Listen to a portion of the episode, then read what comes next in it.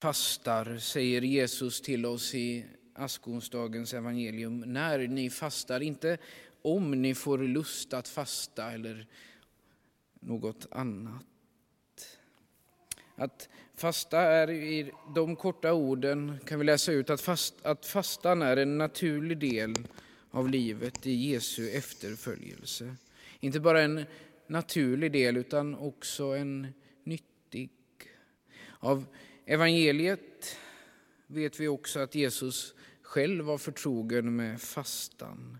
Han fastade, som vi får höra i söndagens evangelium, i 40 dagar och 40 nätter efter dopet i Jordan då han vistades i Judaöknen. Talet 40 det återkommer fler gånger i Bibeln i sammanhanget av förberedelse, förberedelse inför mötet med Herren. Mose fastade i 40 dagar på Sinai innan han fick ta emot Guds bud. Elia vandrade 40 dagar innan han mötte Gud i den stilla susningen på berget. Och i 40 år fick Israels folk tillbringa i öknen innan de kunde gå in i det utlovande landet. Alla dessa 40 är anledningen till att vår fasta sedan mycket tidigt är 40 dagar, söndagar borträknade, fram till påskdagen. När ni fastar, säger Jesus, ska ni inte göra det som en demonstration inför människor. Snarare tycks fasta vara något som sker i smyg. Och det ligger kanske i linje med fastans natur som en övning i gudsumgänge. Inte en övning i självbehärskning eller som ordet kanske framför allt förstås i vår samtid som någon finurlig hälsokur. Men syftet är att bereda plats för Gud i djupen av oss själva. Ja, det finns, och det vet vi, så mycket som vi på alla plan lägger på oss och som ständigt pockar på vår uppmärksamhet. Så till den grad att Jesus riskeras att glömmas bort eller trängas undan. Och I det sammanhanget är också fastan en reningstid. Det är en tid att rensa i sitt eget liv för att bereda mer plats för Gud. Kanske genom att i all enkelhet under fastan på något sätt få med fastans tre ben som bildar ett stadigt bord. Bön, bibel och bikt. Ja, ingången till fastan är ett utmärkt tillfälle att på nytt ta tag i sitt böneliv. Jag var inte ledsen om det känns så att böne, bönen kanske har slammat igen för dig. Det är trögt att be. För Guds barmhärtighet är oändlig.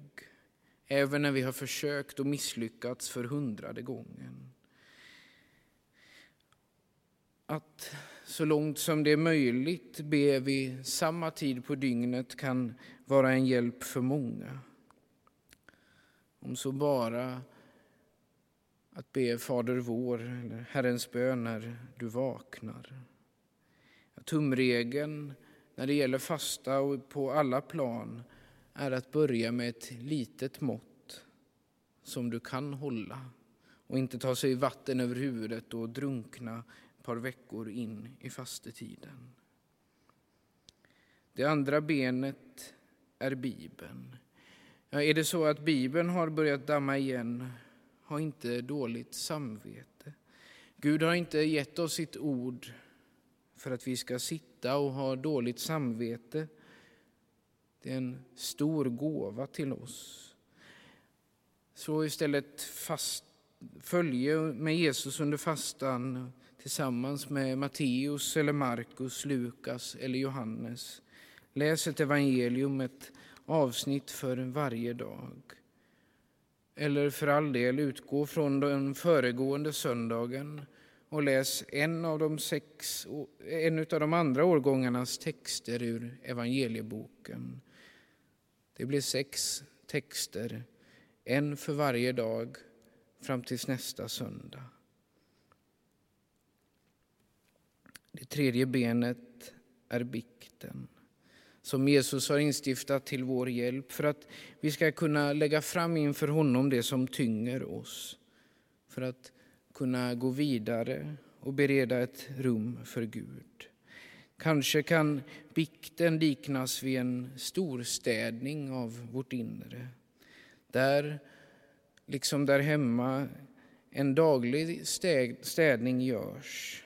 Allt från att torka diskbänken till att bädda sängen.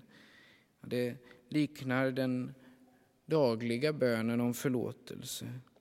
Det görs där hemma alltså i bästa fall en veckostädning med dammsugare och vad det kan vara. Det motsvarar deltagandet och syndabekännelsen i söndagens mässa. Men även ett regelbundet städat hem kräver storstädning. Där kommer bikten in.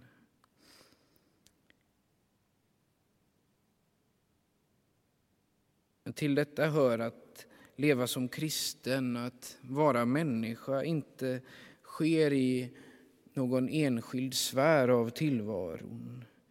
Fastan berör hela livet och utmanar oss också med åter, till återhållsamhet vad gäller mat och dryck, men också intryck och uttryck.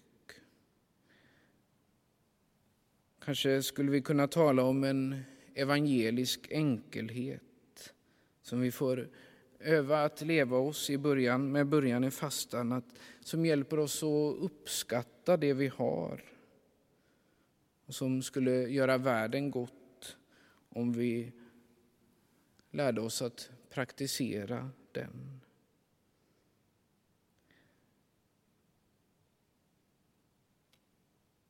Allt tal om enkelhet och återhållsamhet innebär inte att fastan är en förnekelse av glädje och fest.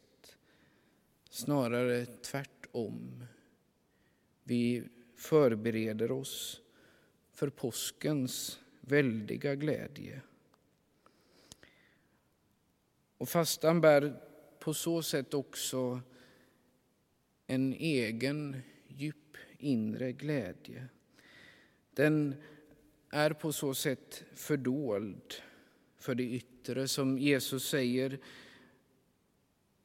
För det är det avgörande, ditt fördolda liv med Gud.